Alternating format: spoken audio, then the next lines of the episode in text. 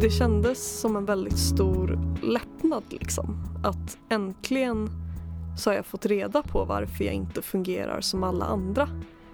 Och varför jag har misslyckats med många saker i mitt liv och liksom ja, det, det kändes bra att få svar på varför jag är den jag är. Välkomna till Funka olika och det sjätte avsnittet om ADHD. Idag tänkte vi prata om diagnos och utredningar. Vi tänkte att det här avsnittet skulle vända sig till de som är osäkra på om de har ADHD eller inte, eller om man kanske känner någon som tror sig ha det och diskutera om man kanske ska göra en utredning och hur man går tillväga.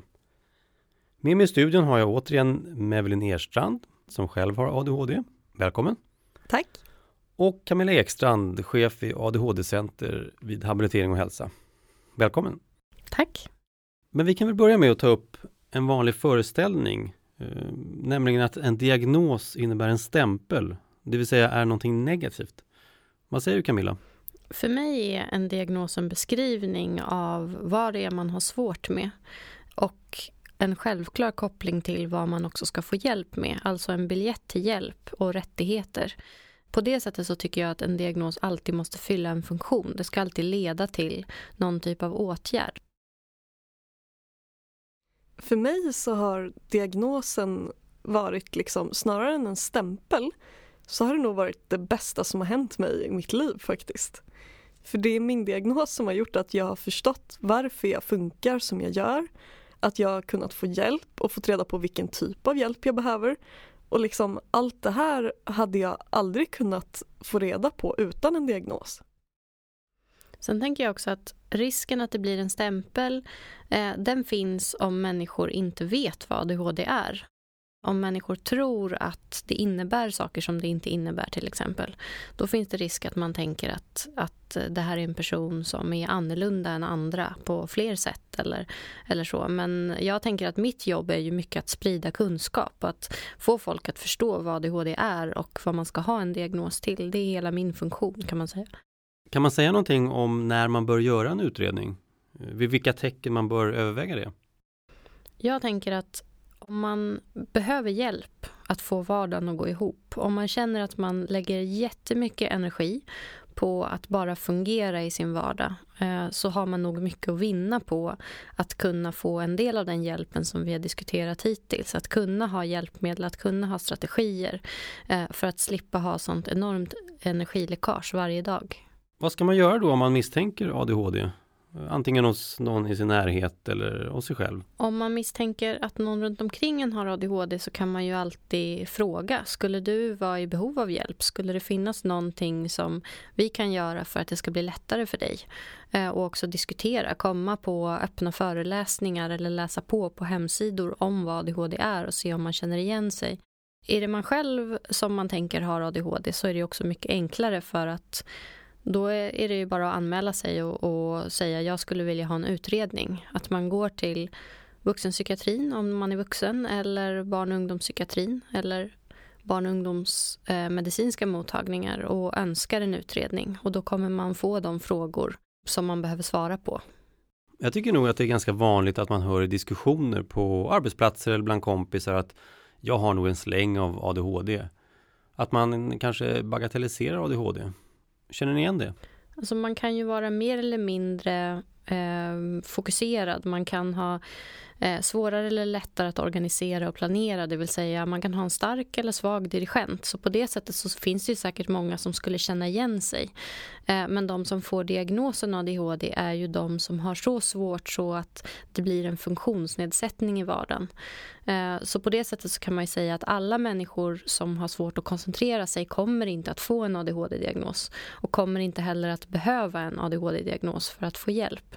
Så där beror ju på hur stort hinder är det här i vardagen och hur stort hjälpbehov har du? Sen kan jag ju tänka att alla vi människor under stressade perioder kommer att få lite liknande ADHD-symptom. När man är under press så kommer man att börja glömma saker lättare. Man kommer få svårare med sitt arbetsminne. Om man har sovit dåligt så kommer man ha svårare att planera och organisera. Så på det sättet kanske många kan känna igen sig i de här symptomen och det vore egentligen bra. För då blir det också avdramatiserat vad ADHD är. Men Evelyn, hur gick det till när du fick din diagnos? Jag fick ju min diagnos när jag var 24. Eh, så det var ju ganska sent liksom jämfört med att många andra får sin diagnos kanske när de är barn eller tonåringar åtminstone. Men eh, det är ju också väldigt många vuxna och gamla som, som diagnostiseras. Alltså upp till 70 år har jag hört talas om att folk får diagnos fortfarande. Så det är liksom aldrig för sent. Men jag fick ju min diagnos Först så liksom hade jag pluggat väldigt mycket i mitt liv och så blev jag utbränd av att plugga. Och då tänkte jag så här, nej men okej, då jobbar jag istället. men sen när jag skulle jobba så började jag på massa olika extrajobb samtidigt. Och det blev liksom, ja det blev för mycket helt enkelt. Och sen så liksom insåg jag också att jag hade ju hela tonårstiden haft problem med så destruktiva relationer, att jag inte kom i tid, att jag gjorde saker impulsivt och att jag liksom, ja men det kändes som att jag och andra människor missuppfattade varandra väldigt ofta. Och också att jag liksom, ja men jag, jag hade svårt att, att fokusera på egen hand utan hjälp av till exempel föräldrar eller, eller andra personer som kunde hjälpa mig att, ja men, ja, hålla fokus på det som jag skulle göra just då. Och också det här med att jag hade så otroligt svårt att få gjorda saker som, eh, som var tråkigt eller jobbigt. Liksom. Att det är klart jag kunde göra det men det krävdes extremt mycket energi för att kunna det. Och sen var det också som att jag hade som en fasad utåt. Eh, eller jag försökte ha en fasad utåt av att jag var liksom den duktiga flickan som klarade av allting. Men sen när jag kom hem då kändes det som att jag blev som värsta monstret liksom. För att då kom allt det här ut liksom att eh, allt det jag hade hållit inom mig på något sätt. Och när mina föräldrar eller närstående föreslog att jag skulle gå på utredning när jag var yngre, då viftade jag bort det och tänkte att så här, ja, nej, men jag är ju inte sån som den stereotypiska beskrivningen av folk med ADHD eller autism är. Utan jag, jag kände liksom inte igen mig i den. Så det var först när jag hade genomgått de här perioderna liksom som jag insåg att så här, okej, det kanske är någonting jag behöver kolla upp. Så det var när jag, hade, när jag insåg att jag inte klarade av att plugga längre eh, och bara kände att jag kämpar och kämpar men det räcker aldrig liksom på något sätt. Eh, då hörde jag av mig till psykiatrin och bara sa att jag ville ha en utredning. Men det hade aldrig hänt om jag inte nyligen innan dess hade läst en kort text om kvinnor och flickor med ADHD. För det var första gången när jag läste en text om någon som hade en diagnos och där jag faktiskt kände igen mig själv. Så det jag gjorde var att jag började läsa jättemycket om det här och liksom ta reda på olika saker. Och så märkte jag ju att ah, okej, okay, allt det här stämmer överens liksom. Och då var jag så här, okej, okay, ja men då, då kanske jag borde gå och kolla upp det här för att det, jag, ja alla vill ju liksom få reda på varför man misslyckas eller varför saker blir fel. Liksom. Så då fick jag komma till eh, um, utredningspsykolog och så gjorde de massa tester. De ställde massa frågor och så ja, så fick jag diagnosen sen efter att ha genomgått massa olika prov liksom för att se vad det kunde vara för fel. Eller vad jag hade för diagnos. För det behöver inte alltid vara ett fel, det beror ju liksom på hur man ser det. Och hur gammal var du? Eh, hur gammal är du nu? Ja. Nu är jag 25. Så det är, eh, det är ett år sedan. Oj, det är så pass nyligen. Men eh, som jag har förstått det så är det rätt vanligt att flickor får sin diagnos väldigt sent. Precis som du fick, Mevelin. Vad beror det på? Tills ganska nyligen så tänkte man ju att det bara var pojkar, unga pojkar som kunde ha koncentrationssvårigheter på det här sättet. Och det har ju också fortsatt att färga av sig på vad vi i omgivningen ser när vi observerar barn till exempel. Så man har i forskning både i Sverige och utomlands sett att eh, vi kliniker och även andra vuxna runt omkring riskerar att missa flickorna för att man tittar inte på det sättet. Man letar inte efter ADHD hos flickor. Så när en flicka har svårt att koncentrera sig är vi ganska snabba med att tänka att det finns en social orsak. Någonting har hänt eller hon är ledsen eller någonting sånt. Medan när en pojke har svårt att koncentrera sig så tänker vi snabbare på att det kan ha med koncentrationssvårigheter att göra. Eh, och det har ju fått till följd att många flickor missas under många år och att många tjejer får sin diagnos mycket, mycket senare. Vilket jag tycker är ett väldigt stort problem för man missar många år av hjälp att få. Och Det betyder att man hinner utveckla andra problem under tiden. Så det här är en av de sakerna som jag brinner mest för. Vi måste ändra på det här. Hur går en utredning till Camilla? Meningen är att man ska lägga som ett pussel kan man säga. Utredningen går till så att man ska samla information från olika håll. Till exempel en del av informationen är att fråga eh, personen som är patienten i det här fallet. Eh, barn, tonåring, ung vuxen eller vuxen. Eh, en annan del är att intervjua föräldrar och skolpersonal och andra runt omkring så att man får se lite hur har det här sett ut i olika miljöer och hur har det här sett ut eh, under olika typer av åldrar också. Det man gör är att man sen lägger ihop det som man har fått genom intervjuer med testresultat där man verkligen testar den här dirigentfunktionen. Man får lösa olika uppgifter och använda sig av arbetsminnet. Man får använda sig av exekutiva funktioner, alltså att planera och organisera. Och de här resultaten ska då jämföras med hur personer i samma ålder presterar. Man har alltså tagit fram normer för att se eh, vad är normalvariation? Alltså vad är gemene mans funktion i det här, det här testet och vad kan sägas ligga utanför normalvariationen, alltså vara så svåra koncentrationssvårigheter så att man uppfyller diagnoskriterier. Så att man lägger ihop intervjuer med testresultat och också en läkarbedömning för att se finns det andra saker som gör att man kan få svårt att koncentrera sig, till exempel mer fysiska symptom. Allt det här ska sen koka ner i en diagnosdiskussion för att teamet som gör utredningen ska se är det så att man verkligen uppfyller alla diagnoskriterierna? Har man så svårt i vardagen så att man behöver en diagnos? Och utifrån det så gör man då en återkoppling till den som man har gjort utredningen med och även familj och kanske till och med skola. Hur lång tid tar en sån här process? Det kan vara ganska olika hur lång tid det tar. Vissa ställen gör det på en vecka men har inbokade besök då varje dag. Andra kanske tar några månader på sig. Det kan vara lite olika. Och hur går man vidare efter att ha fått en diagnos? Vad händer sen? När man får en diagnos så är det ju meningen att man ska använda den här diagnosen för att sen få den hjälp som står att man ska få i vårdprogrammet. Så att det vanligaste är att när man får en återgivning av diagnosen, alltså man får veta vilken diagnos man har, så får man också samtidigt veta vilken typ av hjälp man har rätt att få och hur man ska få den hjälpen. Så det är vanligt att man till exempel får ett litet häfte med en ansökningsblankett till ADHD-center till exempel så att man kan få hjälp hos oss kanske en medicinkontakt och eh, kanske också kopplingar till vilken typ av hjälp man kan få i skolan. Vi pratade ju i förra avsnittet om just hjälpmedel. Vad fick du för hjälp efter din diagnos, Evelyn? Jag har ju både fått hjälp för min ADHD och för min autism. Det hette ju Asperger förut men nu heter det autism bara så att folk inte blir förvirrade. Det jag har fått hjälp med är bland annat dels boendestödet som då hjälper mig att hålla rutiner, att, eh, att komma igång med saker och att avsluta saker. Alltså när jag ska komma iväg till, till praktiken då till exempel. Och eh, även hjälper mig att få bättre strategier för att fixa hushållsarbete och liksom, ja, att få saker gjorda helt enkelt. Och sen har jag också en arbetsterapeut som hjälper mig genom att ge mig olika hjälpmedel. Eh, det kan ju vara allt ifrån eh, sådana här timetimers till appar och också att eh, hon tipsar mig om till exempel stock som man kan gå till och kolla på själv.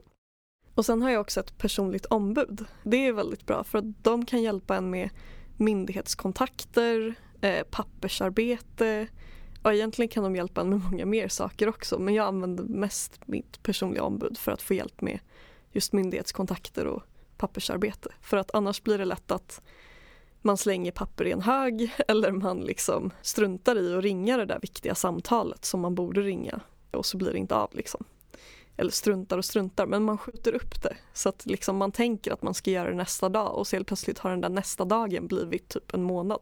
Jag var lite nyfiken, du var ju väldigt glad när du fick din diagnos och mycket hamnade på plats. Men eh, hur fick du beskedet och vad, vad, tänkte du precis just då? Ja, när, när jag fick veta om mina diagnoser så Alltså då hade jag ju redan gått igenom utredningen, jag hade läst en del om, om ADHD eh, och så, så att jag visste ju lite vad det innebar och sådär. Så att det kändes som en väldigt stor lättnad liksom att äntligen så har jag fått reda på varför jag inte fungerar som alla andra. Och varför jag har misslyckats med många saker i mitt liv. Och liksom, ja, det, det kändes bra att få svar på varför jag är den jag är. För länge har jag ju gått och bara tänkt att jag är en konstig person eller en idiot liksom. Men då fick jag också reda på att det finns många andra som är exakt som jag. Så något av det bästa med att få diagnosen är ju att träffa andra personer i samma situation och prata med dem och också få så här, höra deras historier och vilka tips de har. På min arbetsplats ADHD-center så möts ju många, många familjer Eh, ibland sitter man i rum med hundra andra personer till exempel. Och det som många säger till mig när de har varit på ett första besök hos oss, det vill säga i grupp med många andra, det är att den stora behållningen är att se, jag är faktiskt inte ensam. Det kan kännas så i vardagen som att jag är den enda som har det så här. Eh, och så visar det sig att vi är så här många familjer som har samma situation. Att det är en styrka och det är också ett sätt att få reda på det finns saker som man kan göra. Alla familjer jobbar med det här på olika sätt och jag kan också få inspiration från andra i hur man kan jobba med olika strategier. Eh, för även om strategin genom forskning visar sig vara väldigt effektiv så beror det också på hur jag tillämpar den på specifika personer och där kan jag få jättemycket tips från andra hur man kan göra med till exempel att hjälpa upp arbetsminnet. Har diagnosen eh, påverkat ditt självförtroende på något sätt? Ja, väldigt mycket. Alltså i början så var jag ju också lite ledsen för att jag hade fått diagnosen så sent. Det var väl det enda negativa. Just för att det kändes som att jag hade behövt den diagnosen så mycket tidigare i mitt liv liksom, och fått, fått hjälp med alla de här sakerna som jag får hjälp med nu. Men jag menar nu är jag ju mest bara glad över att jag har diagnosen och jag får hjälp och jag har börjat klara av mitt liv så mycket bättre. Så att alltså, det tar ju tid men steg för steg så känner jag att jag får lite bättre självförtroende varje dag. Och det är liksom inte som att man vaknar upp och har fått sin diagnos och plötsligt är allting bra. Utan det tar ju liksom tid, man får jobba med det och bygga upp det liksom. Att så här, klara av sina hjälpmedel bättre och liksom, ja men sin vardag, sin omgivning, sin miljö, sig själv, sitt inre, liksom allting. att det är så här, ja, i början när jag fick diagnosen så trodde jag nästan att allting bara skulle fixa sig över en natt. Bara för att jag hade ett papper i handen. Men det är liksom inte riktigt så det funkar, utan man måste jobba för det. Som jag ser det så är ju diagnosen startskottet. Det är då hjälpen börjar. Det är då man börjar en resa i att kunna utforma rätt hjälpmedel och rätt strategier. Ibland så hör jag om personer som får en diagnos och sen tar det stopp. Man får ingen hjälp efter det och det tänker jag är det värsta som kan hända. För att man, diagnosen måste leda till någonting. Men vad kan det bli för följder om man så att säga går odiagnostiserad genom livet? Till exempel så tänker jag att sviktande självkänsla, så som Evelyn har beskrivit, är ju någonting som många beskriver. Att man tänker att man är dum eller lat eller att man inte klarar av någonting. För där tänker jag också att en utredning, förutom att den ger en beskrivning av svårigheterna så ska det ju också vara en kartläggning av styrkor och också ett startskott på hur kan jag använda mig av mina styrkor? Vilka områden ska jag satsa inom för att kunna jobba med det som jag gillar eller för att kunna satsa i skolan på det som jag är bra på? Eh, så det behöver ju också vara två sidor i det, både styrkor och svårigheter. Um, där tänker jag att en stor vinst är att man börjar förstå sig själv bättre och att man sen utifrån det kan bygga sina egna strategier.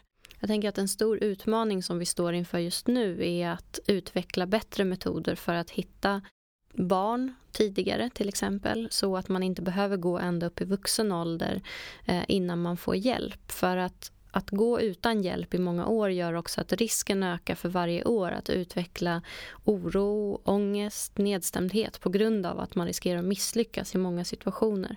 Eh, så jag tycker att det är jätteviktigt att försöka fokusera på de grupper som vi nu missar. Personer med till exempel ADD, den varianten där man mest har koncentrationssvårigheter, de hittas många år senare. Det är också så att personer som identifieras som flickor hittas många år senare. Det vill säga man missar många många år av hjälp som skulle kunna ha eh, gjort att man faktiskt får lyckas med det man gör. Är ADHD helt och hållet genetiskt, det vill säga att man får det från sina föräldrar? Mellan 70 och 80 procent kan förklaras av en genetisk ärftlighet, det vill säga ADHD är ungefär lika ärftligt som längd. De andra procenten kan förklaras av komplikationer under graviditet och förlossning till exempel.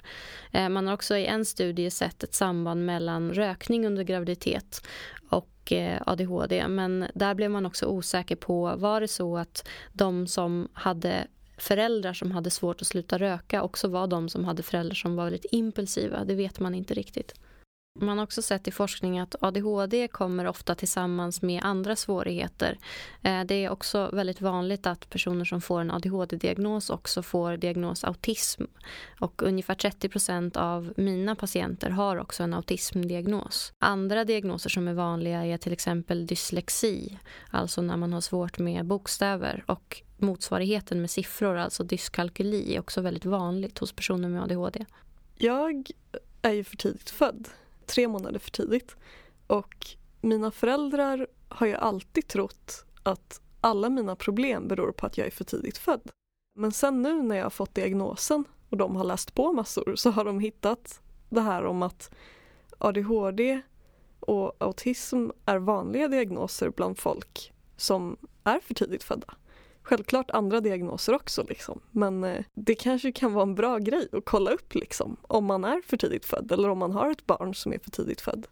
Att alla problem behöver liksom inte bero på bara födseln liksom. Och det är ju konstigt om det stannar kvar hela livet och inte försvinner. Då, då, då är det bra att kolla upp det. Så dina föräldrar har inget spår av ADHD eller autism?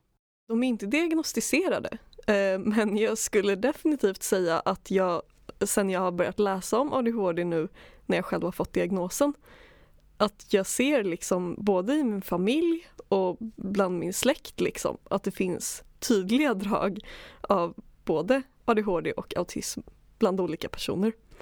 Så ja, det är bara att på deras tid fick man inte sådana diagnoser liksom. Ja, då är det dags att runda av den här poddserien om ADHD. Vi hoppas att ni har fått med er några nya kunskaper och insikter om ADHD. Ett stort tack till mina gäster Camilla Ekstrand och Mevelin Herstrand för att ni har bjudit på era kunskaper och erfarenheter. Ja, jag heter Johannes Rosenberg. Gå gärna in på vår Facebook-sida Funka olika och tyck till om podden. Där kan ni också hitta bra länkar till mer information och föreläsningar. Podden produceras av Copyfabriken. Tack för att du lyssnade!